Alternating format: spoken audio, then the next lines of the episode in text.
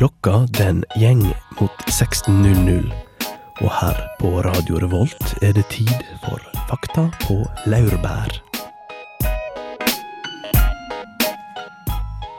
Det norske landbruket, by og land, hand i hand. La oss la det være lett å være bonde. Trumf økonomien og gjør vintrene mindre vonde. Men klimaet gir oss mango på potetgull. Høres ut som tull, men regnet gjør potetene råtne. Rundt om i landet lukkes skoddene. Bøndene får seg kommersielt virke. Og det norske landbruket går fra å knirke til å forsvinne. Nei da, det skal vi i hvert fall prate om i dag. Hvordan det står til med det norske landbruket. Velkommen til en ny sending av Fakta på Laurbær. Jeg heter Ragnhild Skaugen. Med meg i studio har jeg Egil Ytrehus. Hallo, hallo. Han er det nyeste da medlemmet i Fakta på Laurbær, og vi ønsker ham hjertelig velkommen. Takk for det. Som alltid har jeg også med meg Susanna Huneide Torbjørnsen. Hei, hei. Som sagt, landbruk er dagens tema. En riktig sexy sending skal det bli. Absolutt. Vi eh, kommer straks tilbake. Før det skal dere få høre Domo Genesis med Stray Bullets.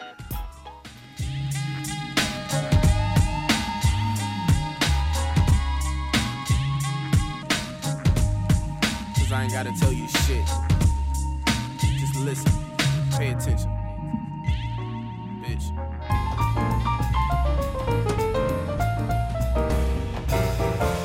Fakta på laurbær.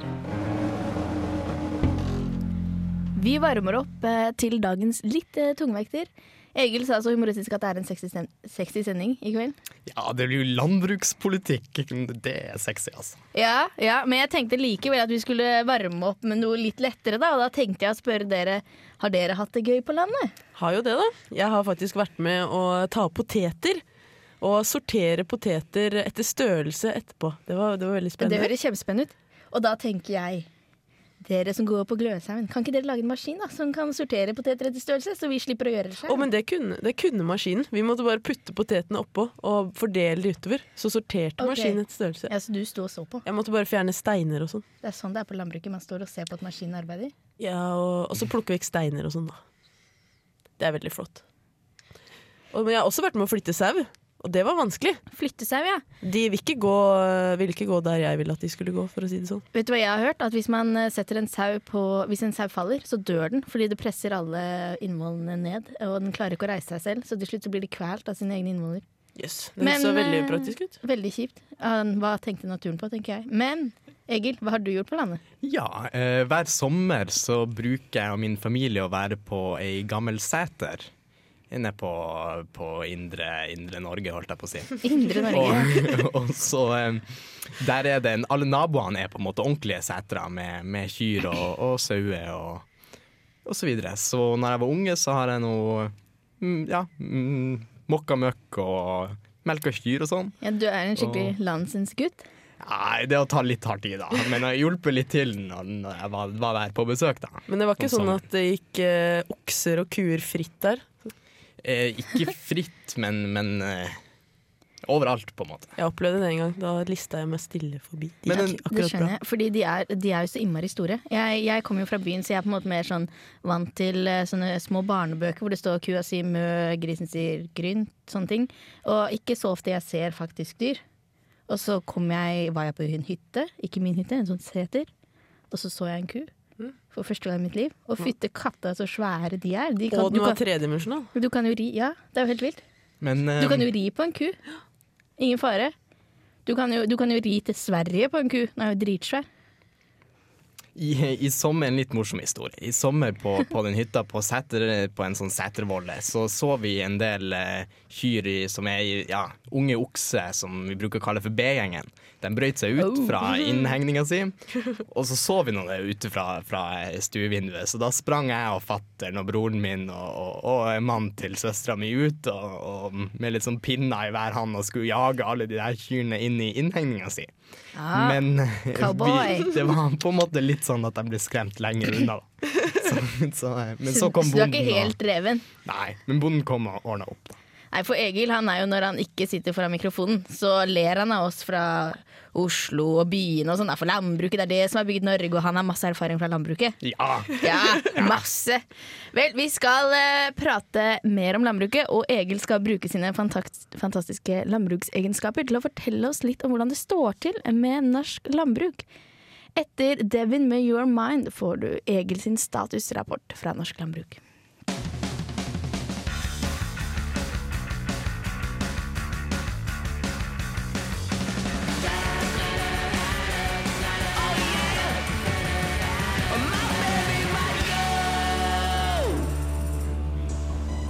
Det norske landbruket holder på å bli lagt ned. Siden 2005 har over 6000 gårdsbruk blitt lagt ned i Norge. Det er 12% av antall bruk. Fra 2010 til 2011 ble 1007 landbruksforetak lagt ned. Parallelt med dette så har gårdene blitt større.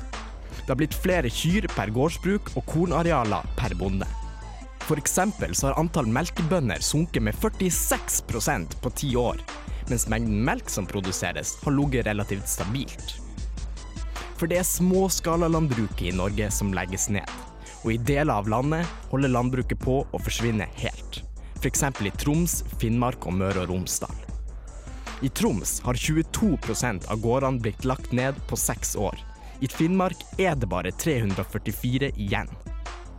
Og til tross for større enheter har nedgangen i gårdsbruk redusert Norges jordbruksareal med nesten 3% fra 2005. Vi benytter ganske enkelt mindre deler av landet til å produsere mat.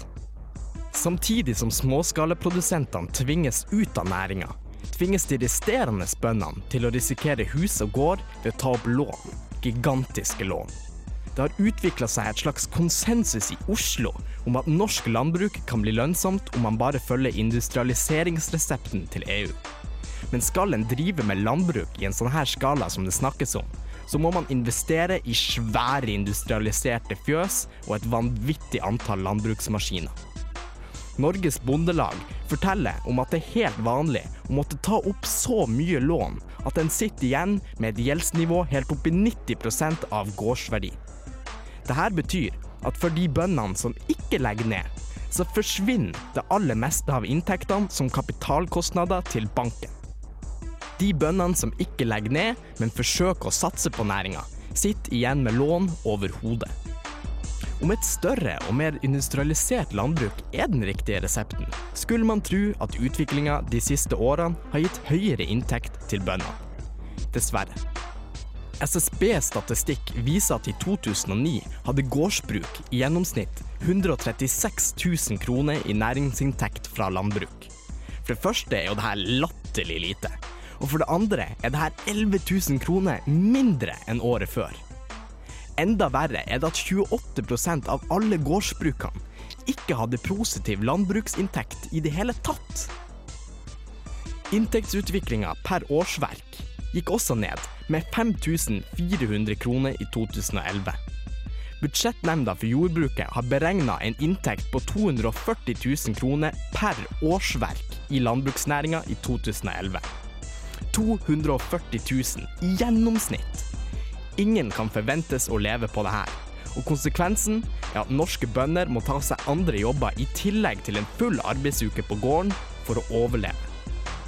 I praksis får norske bønder luselønn av å produsere maten du og jeg spiser. Og til tross for at de små gårdene legges ned og landbruket industrialiseres, synker inntektsnivået. Kort sagt, det tradisjonelle norske landbruket lønner seg ikke lenger, og konsekvensene er ganske enkelt at bøndene legger ned. Etter å ha hørt eh, denne statsrapporten, så må jeg innrømme at jeg blir litt fristet til å spørre i ekte SP-ånd. Er det altså Er det en menneskerett å være bonde? Er det en menneskerett å ha lyst til å bo der du bo, bor? Jeg tenker det er et verdispørsmål om hvordan man vil at samfunnet vårt skal være. Om man eh, vil være et samfunn som bare består av jeg vet ikke, byer og, og, og sekundærnæringer, eller om man skal ta på en måte Det er en egen verdi for samfunnet å produsere den maten man spiser, tenker jeg. For nasjonen Norge. At vi, vi, vi produserer den maten vi spiser. Men når det koster så mye, og det ikke funker, eller Vi ser jo nå at eh, vi prøver og prøver, men ja, mølla går ikke rundt. Det blir ikke penger av det. Maten er der, men den kunne vi fått fra et annet sted. Går det litt på sånn etikk? Jeg, jeg er ikke enig i premisset ditt. Jeg syns ikke det koster så veldig mye.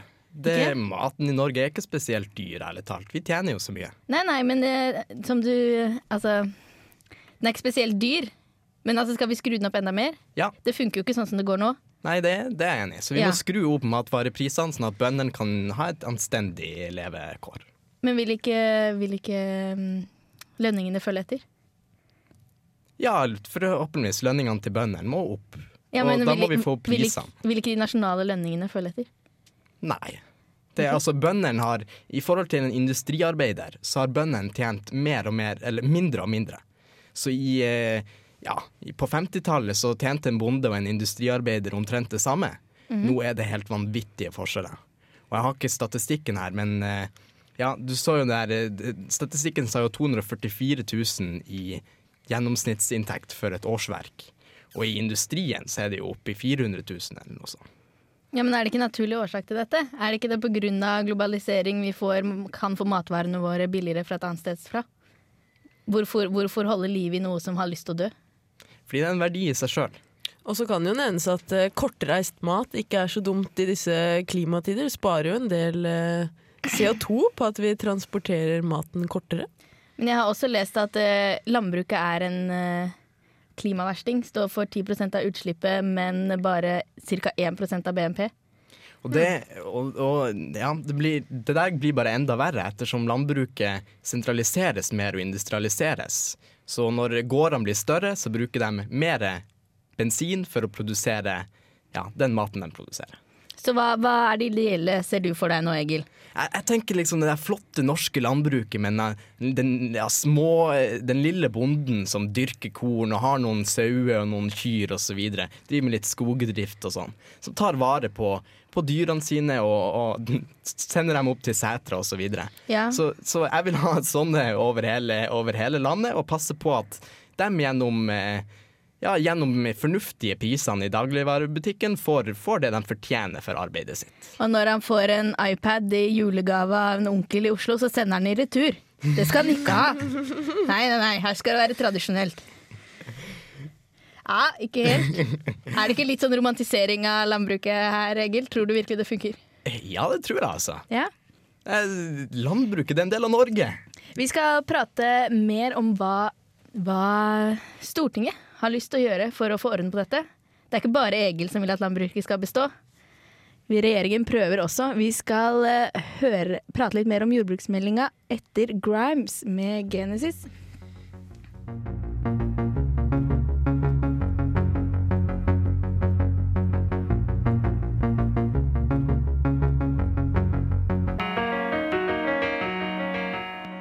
Vi er avhengig av rammebetingelser, selvfølgelig. Og det er det politikerne som må, må skaffe oss.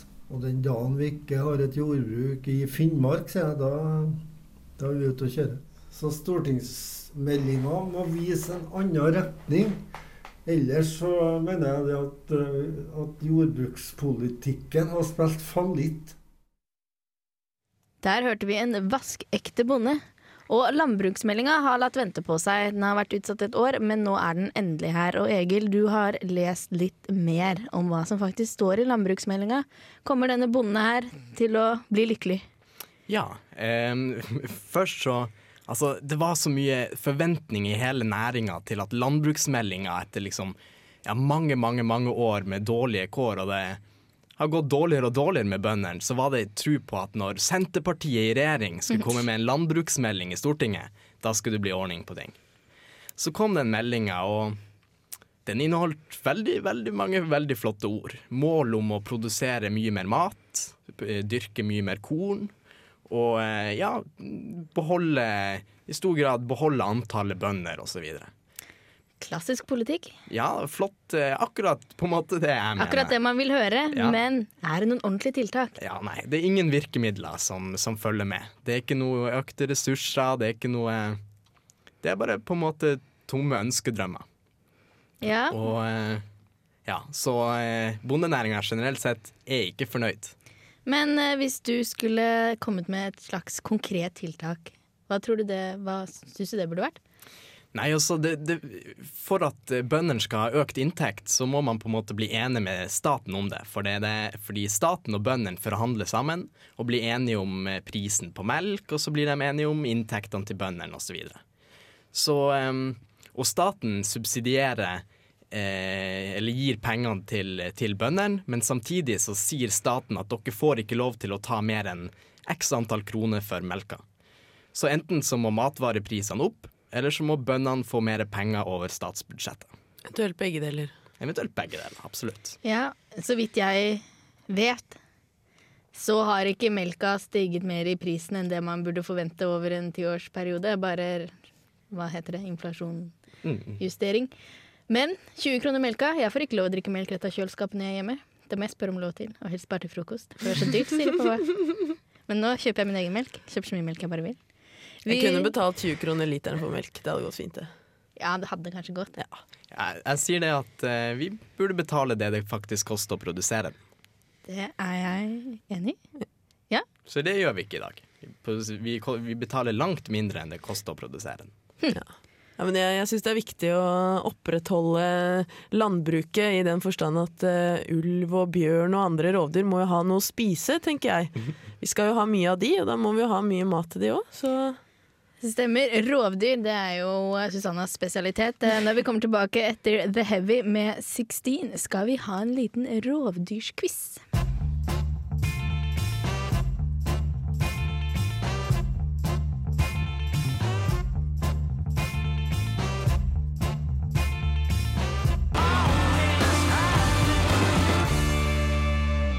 Det biologiske hjørnet! Tomat er et bær. Visste du at tomat egentlig er et bær? Men når folk har slått fast det faktumet, så omtaler de fortsatt tomat som en grønnsak. Det forandrer seg ikke.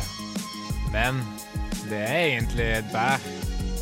Tomater er et bær! Egentlig! Det biologiske hjørnet! Molly. ja, det er tid for eh, det biologiske hjørnet med en liten quiz denne gang. En rovdyrquiz om eh, de eh, Spennende. viktigste rovdyra som påvirker landbruket i Norge. Jeg begynner rett på, jeg. Hvilke dyr tror dere tar flest sau i Norge? Kanskje jerven, for den er på en måte den er der, og den er kjempeskummel. Den er faktisk skikkelig skummel, har dere sett henne? Men så hører man ikke så mye om den. Så jeg tenker at den kanskje er veldig slem. Nei, jeg, jeg ville si bjørn. jeg, Altså, når det kommer en sånn svær jævla slagbjørn inn i saueflokken og begynner å ete, da, da blir det bråk. Ja, Ja, OK, OK. Jeg bare ser for meg jerven som en liten sånn, sånn snapp, Ja, snappis. ja. Han bare spretter inn, tar en sau, ut igjen, inn, ut, inn, ut. Sånn som det. Men ja, ja nei, det stemmer faktisk, eh, Ragnhild. Jerven tar flest sau. Og det, jerven er litt lur, for den eh, tar Selv om den ikke er sulten, hvis den ser noen kan spise, så tar den det, og så lagrer den det til seinere. Så godt mulig at jerven tar mer enn den trenger, til og med. innmari lur. Er det derfor man sier at man liksom er djerv, hvis man er litt sånn skarp? Er det sier man ikke det? At man, at man sparer litt etterpå? Kanskje. Er litt sånn føre var, passe på. Vanskelig å si. Vanskelig å si. Men jeg har et spørsmål til. Hvor mye sau tror dere bjørnen tar hvert år? Sånn cirka. Null, Ingil. Nei. Siden jeg vant i stad. Nei. Eh, kanskje 5000 stykker. 7000 stykker. så mange sau? Hva tror du? Jeg vet ikke hvor mange sau som finnes i Norge, så jeg har på en måte ikke noe å gå på. Jo, men Susanna, Susanna sa nemlig at det, det, det fantes 100 000 sau i Nord-Trøndelag. Oi! Det er riktig. Um, så da må det jo Gud finnes bedre. veldig mye mer eh, sau nasjonalt. Tror du det og- finnes mer sau enn mennesker her i landet? Ja. Gjør det? Er ikke det bare New Zealand hvor de gjør det? ja, ja, OK, da. Det gjør kanskje ikke det. Ok, men da, da høyner jeg deg og sier 15 000. Det er Egil er nærmest. I eh, 2011 tok bjørn 4000 sau. 2009 tok han 7000, så det går sånn opp og ned. da går opp, der, rundt der. opp, opp. Det er Jeg lurer på hvorfor det. Var det et dårlig bjørne, bjørnår i 2007? Kjempegodt bjørnår i 2009? ja, vanskelig å si. Veldig vanskelig å si. Var på hugget. Var på Eh, Vi har fem rovdyr i Norge som eh, gjør stor skade på eh, bestanden av rein og sau. Hvilke er disse fem? Vi tar av annenhver. Bjørn. Jerv. Ulv. Gaupe. Ørn. Det er helt riktig. Det er kongeørn! Det var veldig bra. Den trodde jeg nesten ikke dere skulle huske. Ørn, ja, den hadde ikke jeg kommet på. Det var bra at du starta her. Men nå, nå kommer det Hvilke dyr er verst? Hvilke dyr tar flest sau per, eh, per individ? Per, det, må være, det må være ulven per individ. Det er jo bare 30 ulver Ja. i Norge. Det er sant. Ja, det må jo være det. Ja, men det er helt riktig. Ulven Oi, tar oi, nesten oi. 50 sau per år. Oi. Én ulv. Ganske crazy. 50 sau per år. Mm. Har de ikke noe annet å spise? Hva spiser egentlig ulven? De spiser en del elg òg. Det har gått ned med elgbestanden Ja. i, på Østlandet. Og småbarn? Og småbarn, selvfølgelig. Du må ikke sette Og ut barna til ulven, si. Bikkjer, ikke minst. Og visste dere at det ikke er lov å Man kan skyte ulv i selvforsvar, men ikke i hundeforsvar. Oi! Hvis den går enig. på bikkja di, da må du bare la den Ja, ta. men det er, ja, jeg er enig med Egil der. Det er greit. Folk overvurderer Nei, å nei, oh nei. jeg skulle si at folk overvurderer dyr litt. Er det lov å si? Overvurdere husdyr. Men selv, jeg, jeg syns ikke det er liksom en, en, en, så viktig at vi har ulv i Norge. Det er ikke Ja, det er viktig. Nei, jeg syns ikke det. Du syns ikke det er viktig? Nei, det er, mange, det er i hvert fall en heftig debatt. Vi skal prate litt mer om eh, rovdyr når vi kommer tilbake. Først skal vi høre på Black Star med You Already Knew. Bismillah. Ah.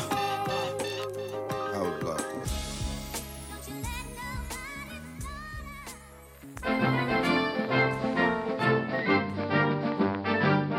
Fakta på laurbær. Der hørte du Black Star. Og det er jo et sånt supergruppe. Det er jo Mostef og Talib Kwali. Det er derfor det er så fett. Det stemmer. Vi prater litt mer om rovdyr. Ja, det, det, Det er jo så spennende. Mm. Susanna, du, har jo, du er jo en biolog. Du har jo masse å by på her. Ja, jeg har jo sjekka litt ut eh, de forskjellige De da fem viktigste rovdyra, eller fem eneste rovdyra som går på sau og rein. Og de tar ganske mye. Det var vel i, ja, I 2011 ble det tatt eh, over 30 000 sau. Eller ble betalt erstatning for over 30 000 sau. Og eh, over 20 000 tamrein. Ganske mye.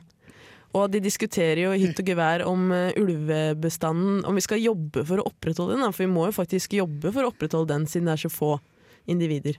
Men her syns jeg vi snakker verdier igjen, sånn som Egil prata om i stad. Jeg prøvde å terge han ut med å si at er det virkelig verdt det med norsk landbruk? Men her sier jeg er det er virkelig verdt det med norsk ulv. Ja, jeg syns det. Der har jeg et poeng. Det her er ikke norsk ulv.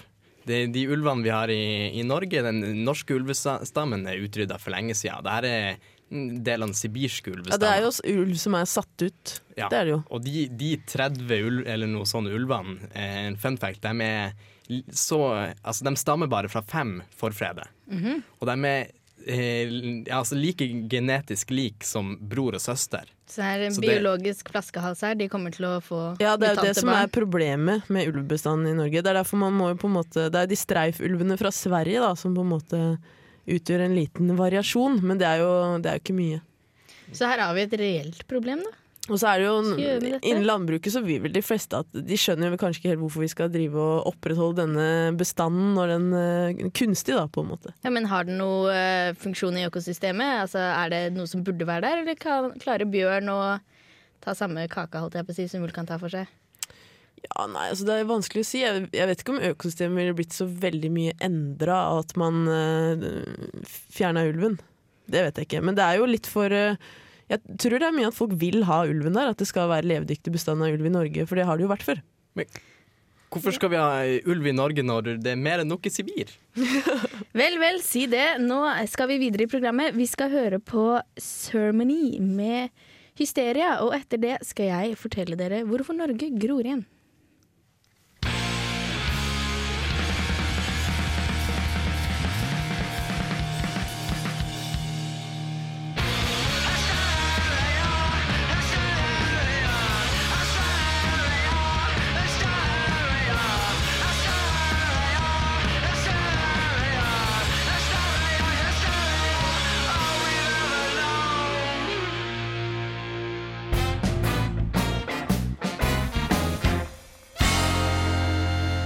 Fakta på laurbær. Hans Olav Brenner oppfordrer til dugnad og forteller oss at Bjørn Dæhlie hadde en geit i hagen. Bakgrunnen er at Norge gror igjen. Og vi som liker lyden av hæl mot asfalt, vet det ikke engang. Statistikk fra Norsk institutt for skog og landskap forteller at på 1930-tallet hadde vi over 200 000 gårdsbruk her i landet. Dette tallet har i dag sunket til 48 000. I underkant av 34 000 av disse gårdene har husdyrhold. Antall gårder i Norge har altså sunket betraktelig. Det samme har antall setre med tilhørende utmarksbeite. På 1850-tallet hadde Norge 800 setre i drift. Nå er antallet redusert til mellom 13 og 1400. Disse tallene forteller oss at det har vært vanskelig å opprettholde det vi omtaler som tradisjonell gårdsdrift. Samdrift har vokst frem som den gjeldende produksjonsenheten, og dermed redusert omfanget av beitemarka. Subsidierte norske bønder må til tross gi tapt til en globalisert verden, der minsket avstandsfriksjon gjør værbitt lokal mat til en dyr luksusvare. Når vi tenker på det norske landskapet, er det lett å glemme at brorparten av den idyllen vi ser for det indre øyet, er kultivert land, og at landskapet dermed vil endres i takt med den rådende kulturen. Når landbruket forsvinner fra Bygde-Norge, vil enger, sletter og utsiktspunkt bli erstattet av skog og kratt. Det finnes ikke lenger nok geiter og kyr til å holde kulturlandskapet ved like. Tregrensa kryper oppover, og kystheiene gror igjen. Men er det egentlig så ille? Er det ikke kunstig å sverge til et kulturlandskap som ikke reflekterer dagens Norge? Var det ikke politisk syting senest forrige uke om at økt utbygging truer markagrensa? Er ikke skog hjemmet til den norske folkesjela?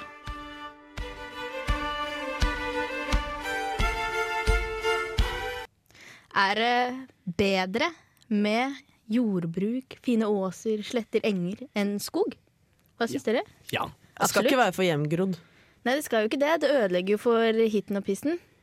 Ja sånn, sånn mørke, tunge Jeg tenker sånn barskog, skog, det er jo sånn trist landskap. Men liksom flotte gårder med gress og så flott. Ja, men hvordan, hvordan, hvordan skal vi løse dette? Det lurer jeg veldig på. Skal vi, skal vi avle haugevis av sau og sette dem ut der? Og så be, an, og be staten ansette gjetere? Ja. ja. Skape arbeidsplasser? Nei, altså, tenk så mye. Vi bare må tilrettelegge for sauedrift i det landet her igjen. Man må eh, passe på at det er lønnsomt å, å ha sau. En myte er jo kanskje at eh, skog, det er der dyra hører hjemme. Jo mer skog det er, jo mer, jo mer dyr blir det. Skjønner dere? Mm. Men nå skal jeg si at det er galt. Oh, yes. For det, er, det, har, det har vært kulturlandskap så lenge i Norge at det er så mange dyr som er tilpassa kulturlandskapet. Ja. Ja. Slik at eh, hvis vi nå, sånn som hvis vi tillater gjengroing, så mister vi faktisk veldig my- mye av vår naturlige fauna. ja, det kan jeg tro på. Ja, og ikke bare det, vi mister veldig mye av turistindustrien også. Ja, Det er mye turisme på norske gårder. Ja, eller bare på det norske landskapet. Kan tenke deg fjordene i eh, Hardanger og Sogn og Fjordane, og så gror det igjen. Du får ikke de fine slettene med gårdene oppi heia. Og Mm. Det er sant. det er helt krise. Du ser ikke fjorden for bare trær? Ser ikke fjorden for bare trær. Nei, det kan du si. Nei, men egentlig så er vi jo helt enige. Dette er kjempekjedelig. Jeg bare tenkte at eh, vi kanskje kunne prate litt. Men jeg, jeg stilte jo det ene spørsmålet om eh, Her om dagen så var det jo stor politisk debatt, i hvert fall i storbyene, om at eh, de har lyst til å flytte markagrensa. Fordi at eh, byen blir så stor. Mm. Mm. Kan vi ikke bare flytte marka litt lenger ut på landet, da? Og la de uh, gjengrodde setrene få være utmarka? Ja. Men uh, altså, gjengrodde setre betyr jo i all hovedsak kratt, kratt, kratt. Og det er ikke så veldig fint å gå på tur i. Jeg har hørt at det fins blåbær i kratt. Ja, det er ålreit, da. Det er ålreit. Kjempeålreit. Men ja, nei, jeg syns det er viktig at man Man kan ikke bare la byene vokse seg på en måte ja, ta, Vokse seg utover naturen. Og at man, man må sette noen grenser. Man må si at her er det natur, og byen får, får vokse innover. Ja. Får bo i høyden. Her i Trondheim så har de jo ja, gjort aktiv politikk av det her. At de eh, tar alle jordbruksområder som ligger innenfor bygrensen og bygger ut de istedenfor å spre byen. Mm. Så en av de siste jordbruksområdene i Trondheim by var jo Brøset, og det skal jo nå bli en sånn superbydel. Miljøby. Verdens- Ja, miljøby. Klimanøytral by. Det kan vi fnyse av senere, for det syns jeg bare er tull. Men ikke den sendinga her, dessverre. Vi tar det en annen gang. Og vi skal ha så mange sendinger om klima at du skal bli grønn og blå. I hvert fall grønn. Hvert fall grønn. Eh, skal vi se. Det var en siste ting jeg skulle si. Er det ikke pent, da? Er det ikke pent med disse, dette kulturlandskapet? Ja, det er forferdelig Nydelig. pent.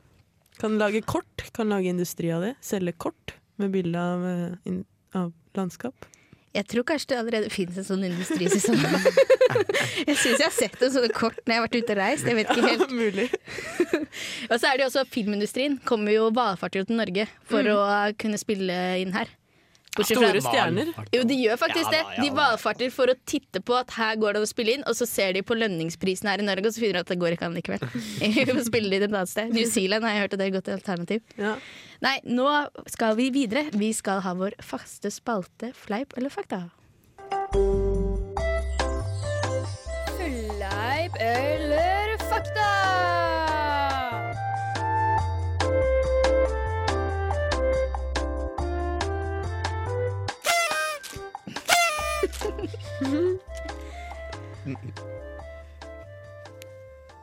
Der hørte dere gongongen gå.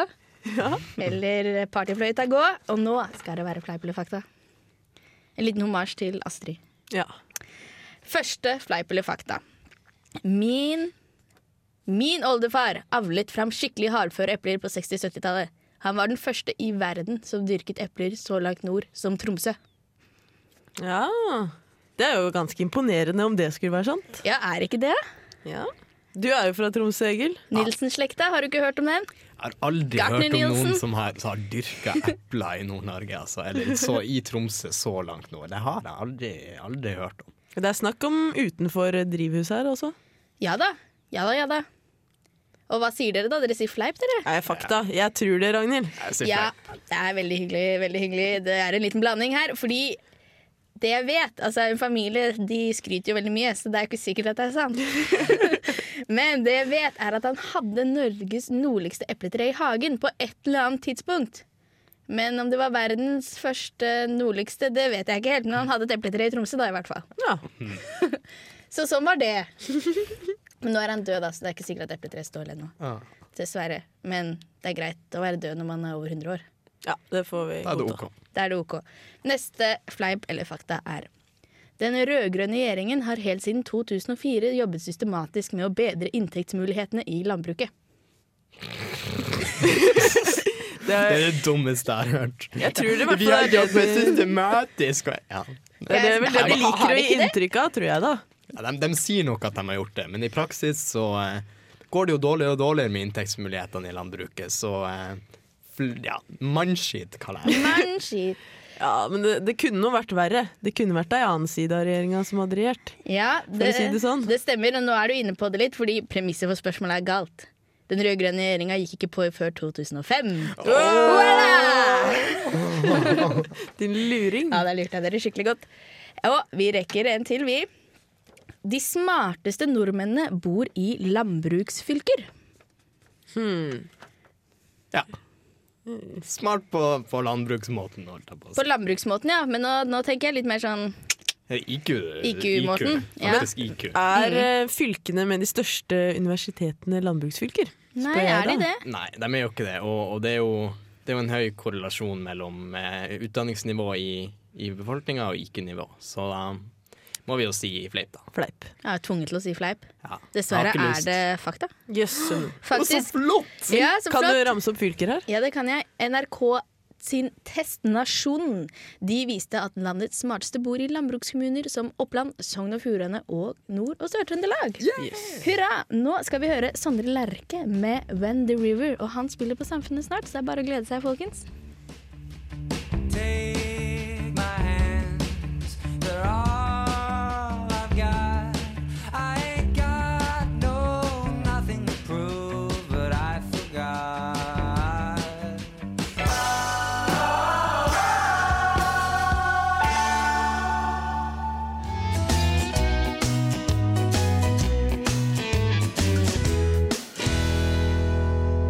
Fakta på laurbær. Det var det vi rakk i ukas sending av Fakta på laurbær. Vi snakkes jo selvfølgelig neste uke. Ja, det gjør vi absolutt. Med meg i studio har jeg hatt Susanna Hunnede Torbjørnsen. Og Egil Ytterhus. Vi sier tusen takk til tekniker Tor. Han har vært en eminent tekniker i dag igjen. Og så vil vi også si vi har jo en Facebook-side. Kan ikke du like den, da? Du der hjemme. Gjør det, da. Det hender vi poster noen greier der, noen artikler vi syns er morsomme og sånne ting. Så det er veldig hyggelig hvis du følger oss. Og husk til neste gang så kan du ta kontakt med oss på SMS. Det kan du Send gjøre. RR til 2030. Det er kjempebra. Da gleder jeg meg til å faktisk snakke med de der borte, så det ikke blir sånn enveismonolog. Litt sånn Sondre Lerche-aktig. Men nå kommer Clouds Tonight med No Future, No Past, og etter det kommer på tirsdag, så du må bli på Radio Revolt. Ha det.